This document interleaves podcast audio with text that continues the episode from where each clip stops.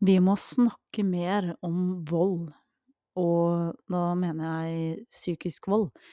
Og dette slo meg når jeg satt i bilen og kjørte akkurat nå, og det er akkurat som det kommer setninger i hodet mitt, så jeg måtte bare forte meg hjem og ta opp mikrofonen og lage podkastepisode. For det er mange ting, eller flere samtaler, da, som jeg har hatt de siste dagene, som gjør at jeg tenker at dette må komme mye mer frem i lyset. Så for deg som ikke kjenner meg fra før, som fant denne podkasten, så er mitt navn Veronica. Jeg er mange forskjellige ting. Jeg, har, jeg har, er gründer av Bare bra barnemat. Har jobbet masse med ernæring og mat til barn. Jeg har også to coachingutdannelser og jobber én-til-én med folk. Og har de siste årene jobbet mye mer med personlig utvikling um, og sånne ting. Og også fått skal jeg bruke det ordet, livets harde skole i psykisk vold på, som en egen leksjon. Så dette har jeg levd. Jeg vet hva det, hva det handler om. Jeg kjenner min opplevelse av det. Jeg er ikke psykolog eller noen sånne ting, men jeg snakker om mine perspektiver, mine opplevelser, og også hva som både gjorde at jeg uh, skjønte det, kom meg ut av det, hva jeg gjør for å bygge meg sjøl opp igjen. Fordi det er ekstremt utfordrende å leve i psykisk vold. Psykologen min sa senest eh, på forrige eh, parati, terapitime, at psykisk vold blir eh, gjerne ansett som verre enn fysisk vold. Fysisk vold er veldig konkret, psykisk vold er ekstremt forvirrende. Og det som slår meg de siste dagene, er jo at det her skjer mye. Det skjer mye mer enn vi skulle tro, og det blir snakka altfor lite om. Og så Det blir nok snakket om. Det er folk som snakker om det her, men det er gjerne i de formene som er sånn at det er en veldig brutal vold. At man har fått blåmerker, knekt et bein, blitt kasta ned en trapp. Altså det er veldig sånn ekstreme tilfeller. Det klarte ikke jeg å kjenne meg igjen i. Så når jeg leste sånne kjennetegn på vold, så avfeide jeg det jo, fordi det var for ekstremt. Og med en gang også folk puttet på sånne ord som narsissist og øh, psykopat, så ble det også for fjernt for meg. Fordi jeg tenker sånn, ja, hvem er det? det, er, det, er det ekte? Og jeg har heller ingen tanke om å altså, putte navn og ord på ting, eller diagnoser. Det er overhodet ikke min oppgave. Eh, det dumme er jo at eh, en ekte narsissist sjelden blir diagnostisert, fordi Um, I hvert fall ut ifra det jeg har lest. Fordi de funker ikke i terapi. De har ikke lyst til å gjøre noe nytt. De går i sin egen loop og i sin egen verden. Og lever egentlig bare i sin egen boble, og trenger oss som supply, som påfyll, for å ha noen å plage. Um, jeg tenkte at det kunne være lurt å si noe om tegnene til psykisk vold. Så jeg gikk rett og slett inn på dinutvei.no sin side, Nasjonal veiviser for vold og overgrep. Mm.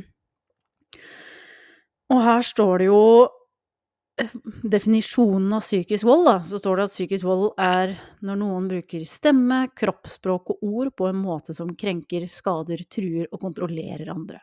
Den som utsettes for psykisk vold, føler ofte på skyld, skam, frykt, utrygghet, tristhet og mindreverd. Psykisk vold etterlater ikke fysiske spor, slik psykisk vold kan gjøre. Nei, fysisk vold kan gjøre, eller gjør. Derfor er det vanskelig å kjenne seg igjen i å sette ord på, og målen kan være rettet mot nåværende eller tidligere partner, går det barn, foreldre, søsken eller andre nærstående. Uh, all vold kan gi mange og alvorlige ettervirkninger, også psykisk vold. Mange som er utsatt for vold, da, trekker særlig frem psykisk vold som veldig vanskelig. Og sånn som jeg ser det, så er det med den psykiske volden så vrient fordi den er så ekstremt, dette er min opplevelse, ekstremt forvirrende. Fordi en person kan si uh, fantastisk mange fine, fine, ting til deg i et øyeblikk, og så uh, flippes det totalt på hodet i neste øyeblikk. Så du får en sånn kald og varm, uh, nærmest dynamikk.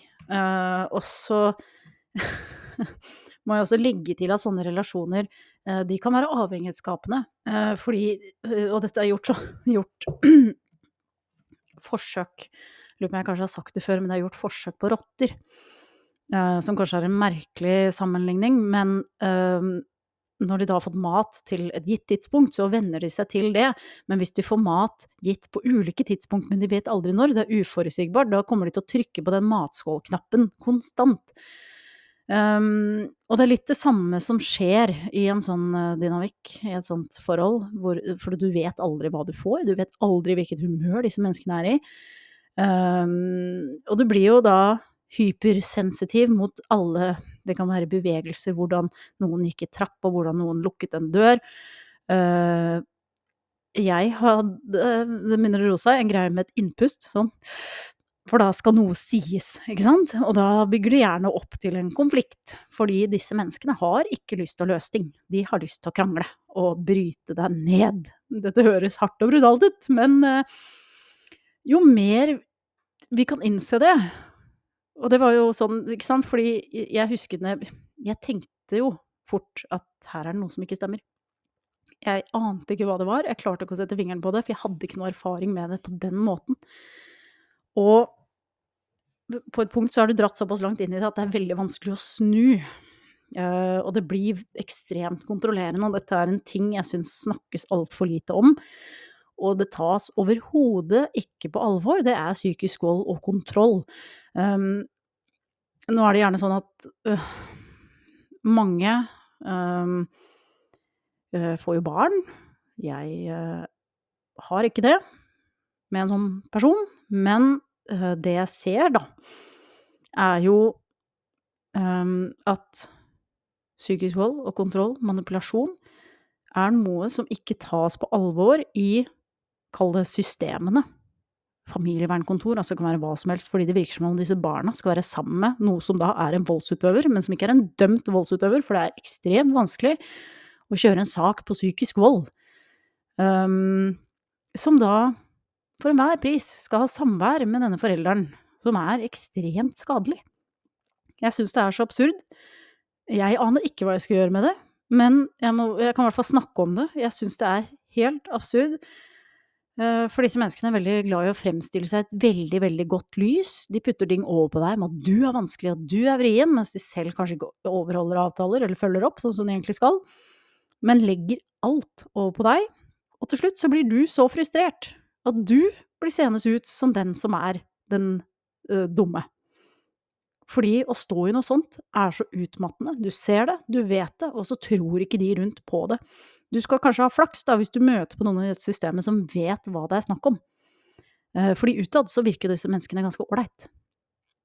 Du må ganske tett på for å forstå det. Dessverre.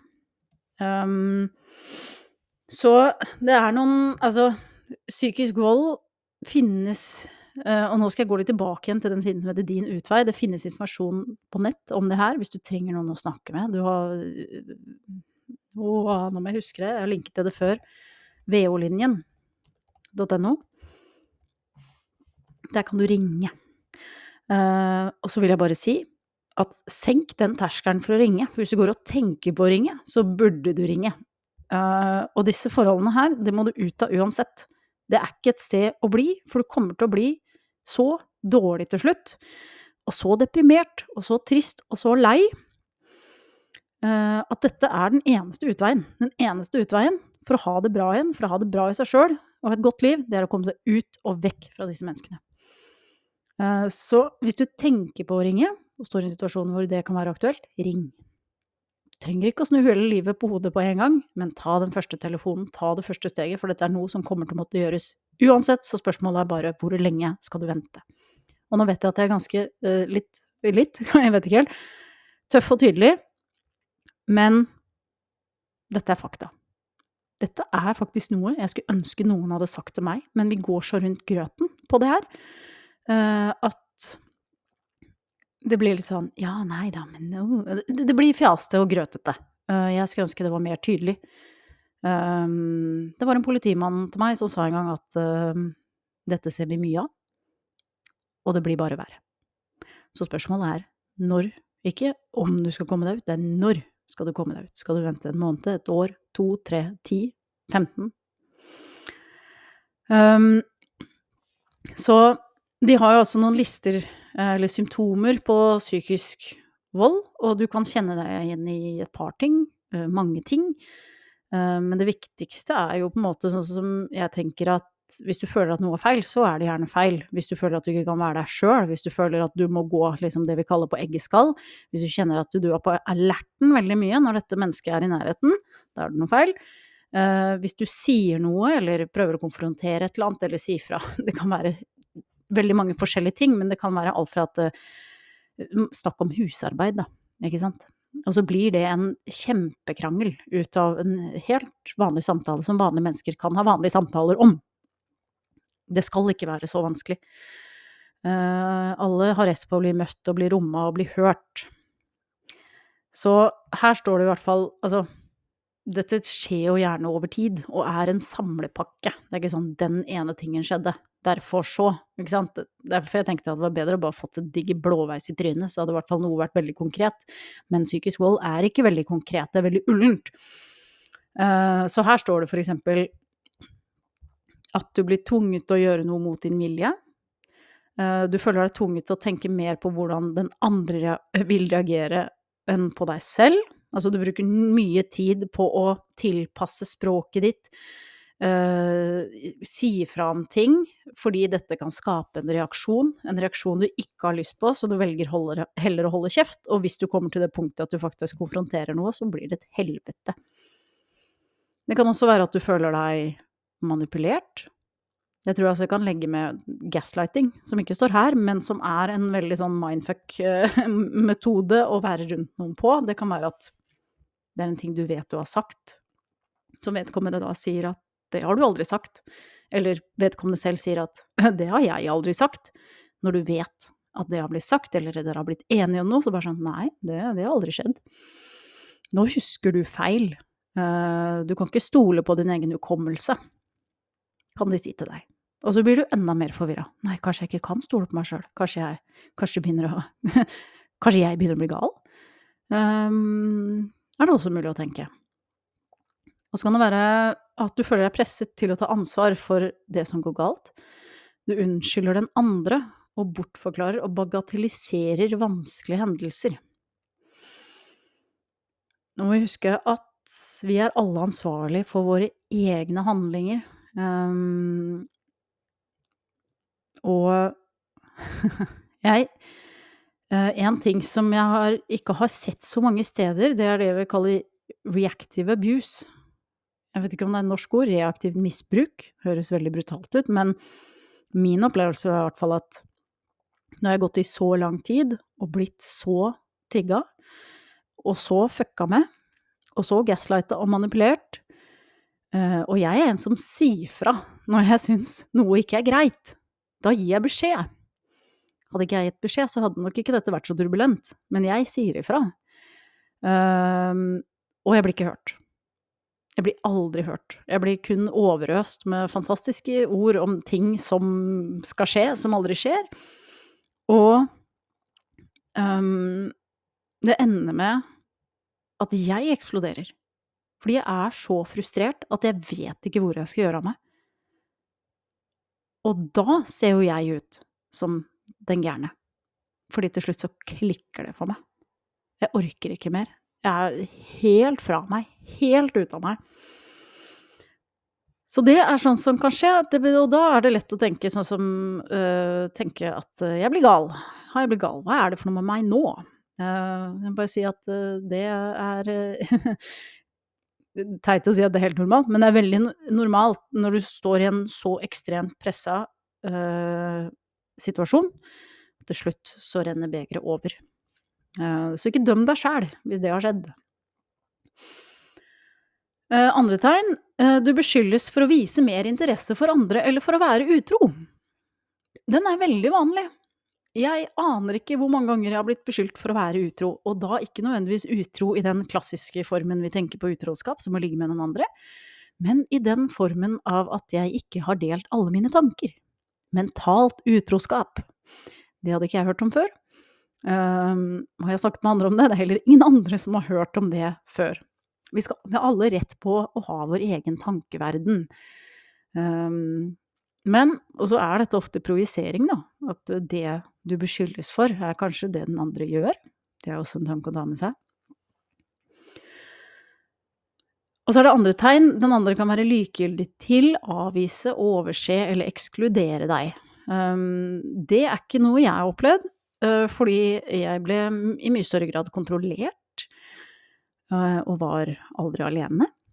Mens jeg har snakket med flere som på en måte får dette som de kaller for stonewalling, altså at du blir totalt ignorert, de vil ikke snakke om det, de vil ikke Altså, de kan gå og furte, de kan gå og legge seg, og bare nei, ikke nå.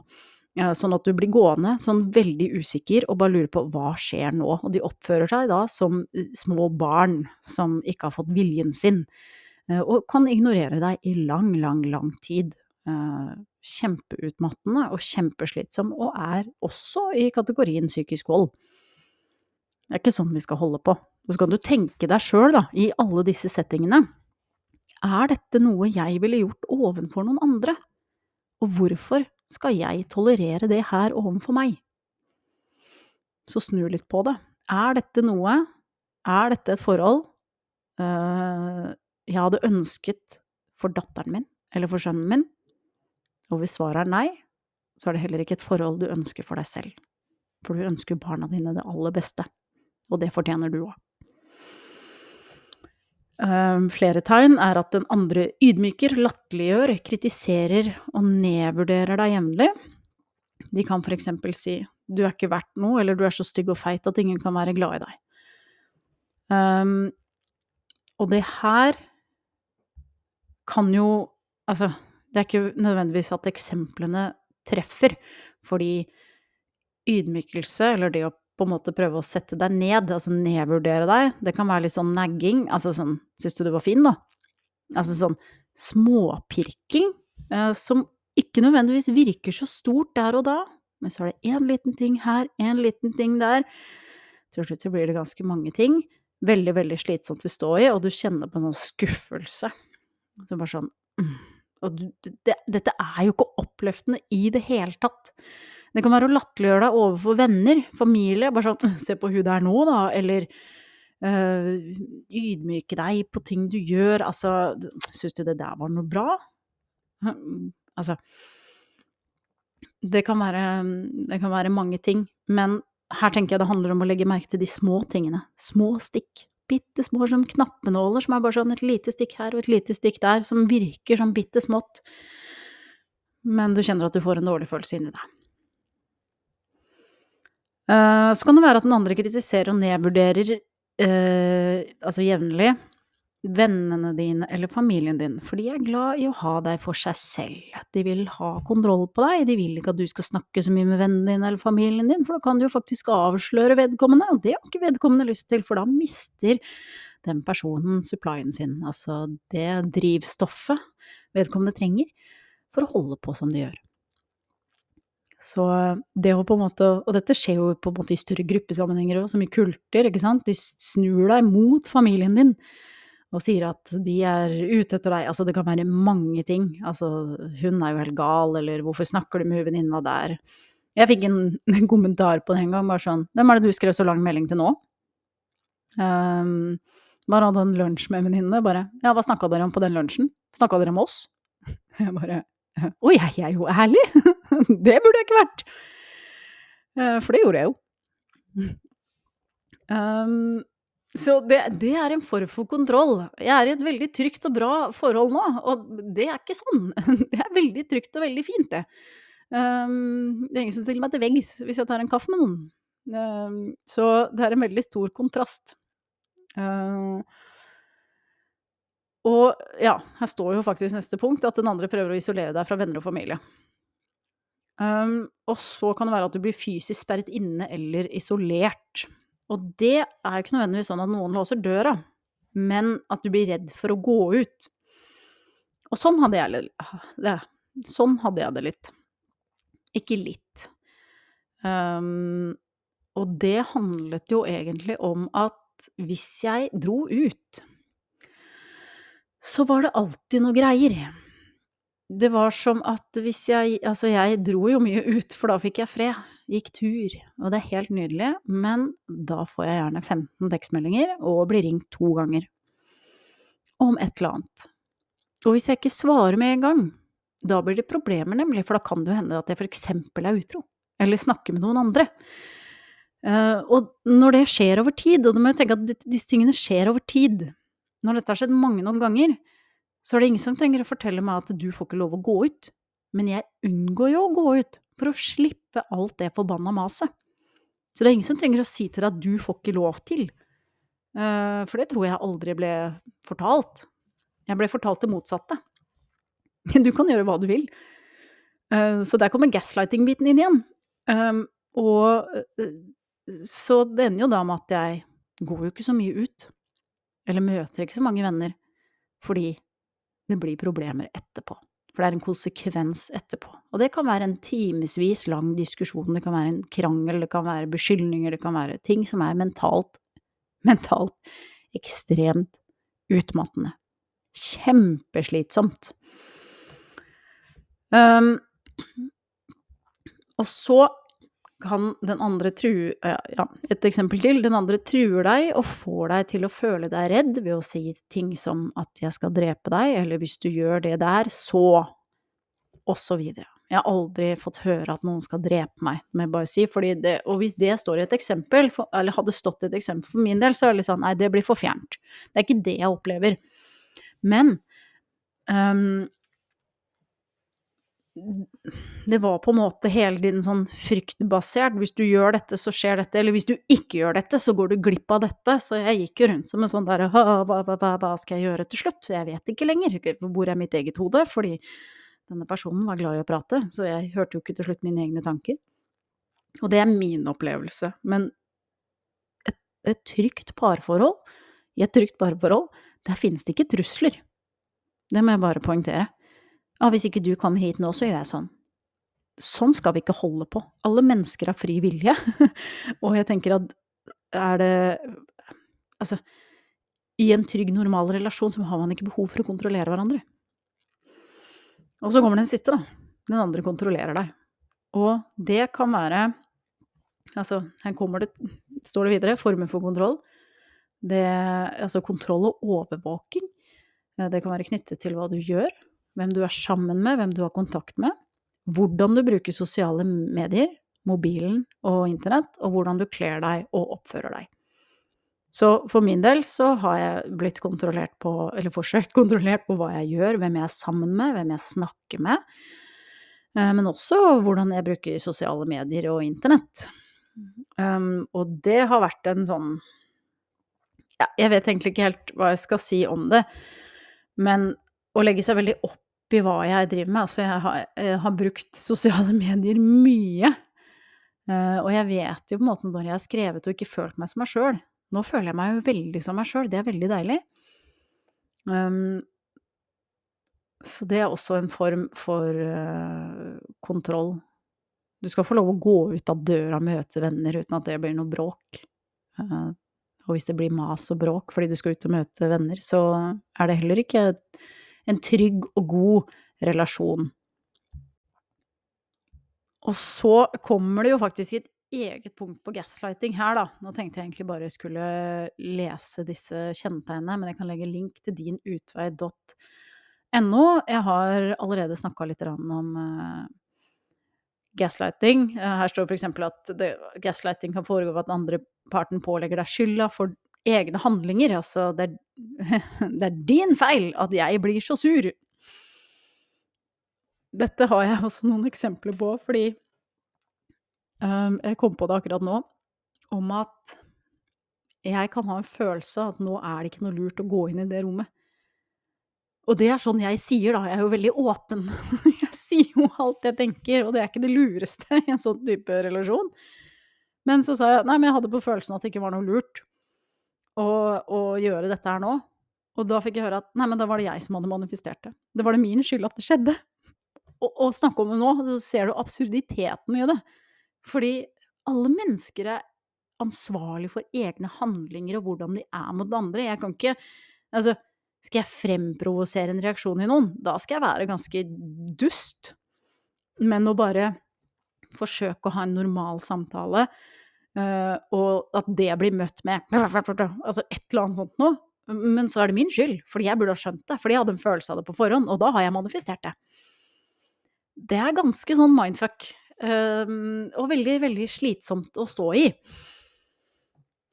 Um, og også det å tvile på egen hukommelse, egen virkelighetsoppfatning og sin egen fornuft. Så dette er vel en sånn samlekappe i en sånn relasjon. Du tviler på deg sjøl, du er forvirra, du kan ikke lenger stole på egne avgjørelser. Uh, fordi det kan alltid få en konsekvens, og det er umulig å tenke seg når den, eller hvordan den konsekvensen kommer. Og det, det, trenger ikke å være gjennom at du blir banka og sånne ting, det kan være gjennom at det blir en lang diskusjon som er ekstremt utmattende, som er kjempeforvirrende. Som overhodet ikke er retta mot noen løsning. Um, og så er det gjerne det at uh, denne psykiske volden starter jo i det små. Det er jo ikke sånn at når du møter en person, så holder de på sånn. Nei, for de kjærlighetsbomber deg. Du er den mest fantastiske personen de har møtt noen gang. Uh, de sier at de elsker deg i løpet av veldig kort tid, første ukene kanskje. Uh, du er helt magisk. kanskje dere er soulmates. Um, og får veldig mye positiv oppmerksomhet. Og det du skal vite, det er at disse menneskene speiler seg i deg. De trenger deg eh, som et speil på hvordan fungerer normalt i verden. Og de egenskapene du tror de har, er mest sannsynligvis de egenskapene eh, du selv har, men som de speiler i deg. Men som ikke de har sjøl. For de bruker deg til det. Og så vil da dette her begynne sånn litt etter litt etter litt det kommer ikke med en gang, men etter hvert så må de slippe maska, for de klarer ikke å holde det her oppe hele tiden. Og når de da slipper den, da vil du se hvem de egentlig er. Og dette her er noe som også kalles voldssirkelen, er det ikke det? Nå må jeg bare si det riktig. Det er noe sånt. Um, jeg tror det er et annet navn på det òg. Men uh, voldssirkelen, du kan iallfall google det og se på det. Det er flere faser. Det er i hvert fall denne kjærlighetsbomben. Bombingen. Og så blir det et utbrudd. Og så blir det 'unnskyld, å, det var ikke meningen, og det skal bli så mye bedre, og jeg skal aldri gjøre det igjen'. Og så blir det en rolig fase. Og så mye sånn kjærlighetsbombing igjen. Og så kommer det et utbrudd. Det skjer noe nytt. Og hvis du begynner å se på mønsteret, så kan du begynne å se at dette her faktisk skjer. Igjen og igjen og igjen. Og igjen, da, som jeg sa i starten, de går i loop. Det er ikke noe, det er ikke noe fortid, det er ikke noe fremtid, det er liksom bare her, nå. Så har også hørt steder at de tenker egentlig ikke så mye konsekvens. Jeg har ikke lyst til å være inni en sånn hjerne, så jeg har ikke, har ikke lyst til å sette meg inn i hvordan det er. Men det er i hvert fall viktig å vite at dette pågår over tid. Det kommer snikende og forsiktig. Det er ikke noe du kan spotte med en gang. Det er derfor det blir litt sånn Hvis noen forteller deg at, at den personen at jeg opplevde det med den personen. Bare nei, den er jo så hyggelig! Og dette er jo noe av det, mest frustrerende for de som er utsatt for hvert fall psykisk vold, er at de menneskene her er gode til å maskere. Det er vanskelig å se det på de, eller skjønne det på de, hvis du ikke Altså, jeg tror det, hvis du har vært borti det før sjøl, så klarer du å se det. Men hvis folk som ikke har møtt på manipulasjon eller psykisk vold i det omfanget som det er å være i en sånn relasjon, vil ha vanskeligheter for å se det. Så det å bli trodd kan jo være utfordrende. Nå har jeg vært heldig at jeg har blitt trodd uh, av veldig mange, og fått det bekreftet av veldig mange, for jeg trengte jo veldig mange ytre bekreftelser òg på at dette er ikke greit. Å nei, nei, det er kanskje ikke det, nei. Nei. Å ja, nei. Ja, jeg hadde en følelse av det. Uh, og igjen at jeg ville løfta det lokket nå fordi det her, som jeg sa innledningsvis, dette skjer mye. Det er ingen som er fritatt fra det her. Altså, og med det så mener jeg at dette kan skje uansett hva slags utdannelse du har. Du kan ha en doktorgrad og bli utsatt for psykisk vold. Altså, det er ikke sånn samfunnsmessig så kan dette skje i alle samfunnslag. Og jeg tror jo, kall det høyere opp du kommer, jo mer skamfullt er det. Og det er dette jeg har lyst til å være med og stikke en nål i den ballongen på. Um, sånn at det kan snakkes om i mye større grad, fordi det er så mange som er borti det. Um, dessverre. Um, så igjen så står det her da, på din utvei, det beste rådet du kan gi er å snakke med noen hvis du har en magefølelse på at alt ikke er som det skal, og da vil jeg også tenke at du skal snakke med riktig person. Hvis du ikke kan stole på noen eller noen i familien din, på en måte, så går det an å ringe instanser. Du kan ringe et krisesenter bare for å prate. Det er lov. Du kan ringe denne VO-linjen for å prate. Det er lov. Det finnes instanser som kan bekrefte det du lurer på. Og det er mye bedre å ta den telefonen enn å la være. Så kan du forklare hva du opplever, og så kan de si eh, ja eller nei. Så det er ikke noe farlig. Så selv om det heter krisesenter, så er ikke det farlig. Det er et fint sted som passer på folk. Så Jeg syns det skulle vært mer fokus på det her, så det er jo derfor jeg på en måte også snakker eh, om det. Så her står det liksom, for jeg må bare bli sittende og lese noe, omfanget av psykisk vold. Jeg tror det er vanskelig å sette liksom et reelt tall, fordi veldig mange vil bare de vil komme seg ut, og når de kommer seg ut, så vil de videre, og vil kanskje ikke snakke høyt om det. For igjen, skambelagt, tabubelagt, jeg syns ikke det skal være det, for det er ikke den personens feil. Det er ikke den som er blitt utsatt for volden sin feil, men det er den som sitter igjen med skammen. Så jeg har heller valgt å møte skammen, jeg, fordi at jeg syns ikke det skal være sånn. Og det betyr ikke at jeg mener at hele verden skal gå og snakke om det, men jeg har lyst til å løfte lokket litt, sånn at det er lettere å snakke om det. Um, så det som er best kartlagt, står det her, det er kontrollerende atferd i parforhold, som bare er én av mange former for psykisk vold. En norsk undersøkelse viste at to tredjedeler av både kvinner og menn som var utsatt for alvorlig vold fra partner, også var utsatt for kontrollerende vold. Så den fysiske volden følger jo også den psykiske volden. Og det som jeg tror er skummelt, er jo at den psykiske volden kan gå så, såpass langt at det slutt ender i fysisk vold. Og jeg kan jo også si det at sånn som julen er jo høytid for partnervold. Julen er høytid, øh, fordi vi går jo snart inn i jula, og den er også høytid for disse Jeg skal verken kalle de psykopater eller narsissister. Disse giftige menneskene er glad i å ødelegge høytider. De er glad i å ødelegge en julaften, de er glad i å ødelegge en nyttårsaften, de er glad i å ødelegge en bursdag. Fordi Kanskje det dreier seg for mye om gavene og juletreet, og så får ikke de stakkarene nok oppmerksomhet, så de må da stelle i stand et eller annet piss for å få oppmerksomhet, og så går det utover deg, eller den som er utsatt for det. Ekstremt utmattende og ekstremt slitsomt. Um, men det er mulig å komme seg ut. Uh, og som jeg sa tidligere, det er ikke spørsmål om Altså, igjen, hvis du har lyst til å leve et godt liv med god energi og gode mennesker, så er du nødt til å komme deg ut. Det er ikke noe valg, så da er det heller spørsmål om når skal du komme deg ut, og hvordan skal du komme deg ut, for der kan du trenge litt hjelp fordi å gjøre det slutt, eller slå opp med Det var sånn fjortisord, men det å gå fra en sånn mennesketype, det er ikke som å avslutte et vanlig forhold, for da blir det gjerne verre. Eh, og da kan det være fint å være hjelp. Da kan det være fint å få hjelp, snakke med mennesker du stoler på, snakke med Konsultere med de instansene som, som jeg har nevnt nå. Uh, ring krisesenteret og hør. Altså, hvordan gjør jeg dette? Um, for det kan bli vrient. De har lyst til å gjøre det vrient for deg, de kommer ikke til å gjøre det lett for deg. Er det snakk om deling av bo, er det snakk om deling av penger? Skaff deg en advokat fort som fy. Um, fordi de kommer til å ha lyst til å lure deg, og også gjøre det.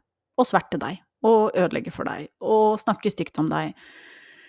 Um, og nedgradere deg til alle du kjenner. Jeg vet jo at uh, jeg i flere kretser blir omtalt som gal, uh, som mentalt ustabil, som uh, Ja, jeg vet ikke helt, jeg. Jeg vet at det blir sagt. For meg så går det fint, jeg, fordi jeg vet det. Jeg, og jeg er så trygg i meg sjøl at det vet jeg, det er en konsekvens av å fjerne sånne mennesker fra livet. Um, og det må jeg tåle å stå i. Um, så de som tror på det, de, de, får vær så god tro på det, men eh, jeg er nå en gang her og kan snakkes med. Så sånn er det. Men å bare vite at det skjer, det er dritkjipt, men eh, det er viktigere å komme seg ut og være trygg enn å leve i en sånn relasjon. Det var nok det jeg hadde lyst til å si i dag. Jeg legger linker til um, de ressursene jeg har snakket, med, snakket om under denne episoden, så det er lett å kontakte. Og husk at heller ring en gang for mye enn en gang for lite, sjøl om det er flaut og skamfullt og føles dust og bare Ja, men det er jo ikke sånn. Men hvis du har kommet til det punktet at du vurderer å ringe, eller du har googlet oppførselen eller er et eller annet, så er det fint å ta den telefonen og rive av det plasteret heller før enn siden. Og så må jeg egentlig legge til det at det, det å gå ut av sånne relasjoner, som jeg sa, det er vrient. Det er veldig, veldig vanlig å gå tilbake. Det er ikke skamfullt å gå tilbake, det er kjempevanlig. Gå tilbake én gang, to gang, tre gang, fire ganger før du endelig på en måte kutter det emosjonelle båndet, for disse forholdene er avhengighetsskapende. Uh, og det husker jeg jeg kjente, for jeg var, vant til å få så utrolig mange meldinger, og selv om ikke alle de meldingene var veldig hyggelige, uh, så ble det en sånn tomhet etterpå. Som bare sånn Det er så stille. Hva gjør jeg nå? Og så visste jeg at den stillheten, den skal jeg klare å stå i. Men å kjenne på det var jo bare sånn what the fuck, hva er det her? Uh, så bare ha det med. Og jeg tenker jo mer kunnskap um, vi, jeg, kan dele om det her, og når du vet fordi at de gangene jeg gikk, så var det akkurat som at jeg forberedte meg. Fra gang til gang så lærte jeg noe nytt. Fordi dette mennesket var jo ikke veldig samarbeidsvillig. Uh, så jeg måtte spille spill på høyt nivå. Og til slutt så løste det seg jo, men jeg gikk jo først én gang, og så gikk jeg en gang til. Så tror jeg det var tredje gangen. Da var det nok på ekte. Da, da var det som at det emosjonelle båndet som fantes, som bare var fake, men som blir en sånn avhengighetsgreie, den forsvant. Og da var det bare nope. Nå er det ferdig. Det er ikke snakk om. Dette mennesket skal jeg aldri se igjen. Dette mennesket skal jeg aldri snakke med igjen. Jeg er ferdig. Så det å vite om det, er jo også veldig fint, for da går det an å mentalt forberede seg til disse fasene, at nå kommer dette til å skje. Her må jeg forberede meg. Her må jeg gjøre sånn. Her kommer jeg Og, det, og føler på kjærlighetssorg òg. Ingen skam. Så liksom Selv om noen har behandla deg dårlig, og det er jo som å ha en sånn forelder, da. Det er, sånn, det er ekstremt forvirrende, for du skal liksom være glad i dette mennesket, som gir deg sånn merkelig kjærlighet. Og så er det sånn Nei, hva, hva, er dette her for noe? Så du får en, en, connection, men den er ikke nødvendigvis bra. Og når den connection forsvinner, bra eller dårlig, så blir det et lite tomrom. Men det kan jo fylles med andre ting, hvis man trenger det. Se milevis med TV-serier, eller gå turer, eller snakke med venner. Altså, det er mange andre positive ting å gjøre fremfor å gå tilbake. Der tenker jeg vi har den. Uh, linker ligger under. Meg finner du på uh, Instagram. Jeg jobber jo Det kommer jo nå til meg et uh, program som jeg sitter og jobber med. Fordi én ting er jo det å komme seg ut av en sånn relasjon, og en annen ting er hvordan bygge opp igjen livet etterpå. Altså finne tilbake til seg sjøl, finne tilbake til essensen, til energien, til i hvert fall for min den livsglade personen som døde litt, men som jeg vet at jeg egentlig har i meg, det har jeg lyst til å dele med andre. Så det kommer jeg til å dele mer informasjon om når det er klart. Så høres vi plutselig igjen, eh, eller om en uke, og liker du podkasten, så må du veldig gjerne gi den fem stjerner i der du hører på podkast. Det syns jeg i hvert fall er veldig hyggelig. Og så, ja, nå sier jeg det en gang til, så høres vi om en uke.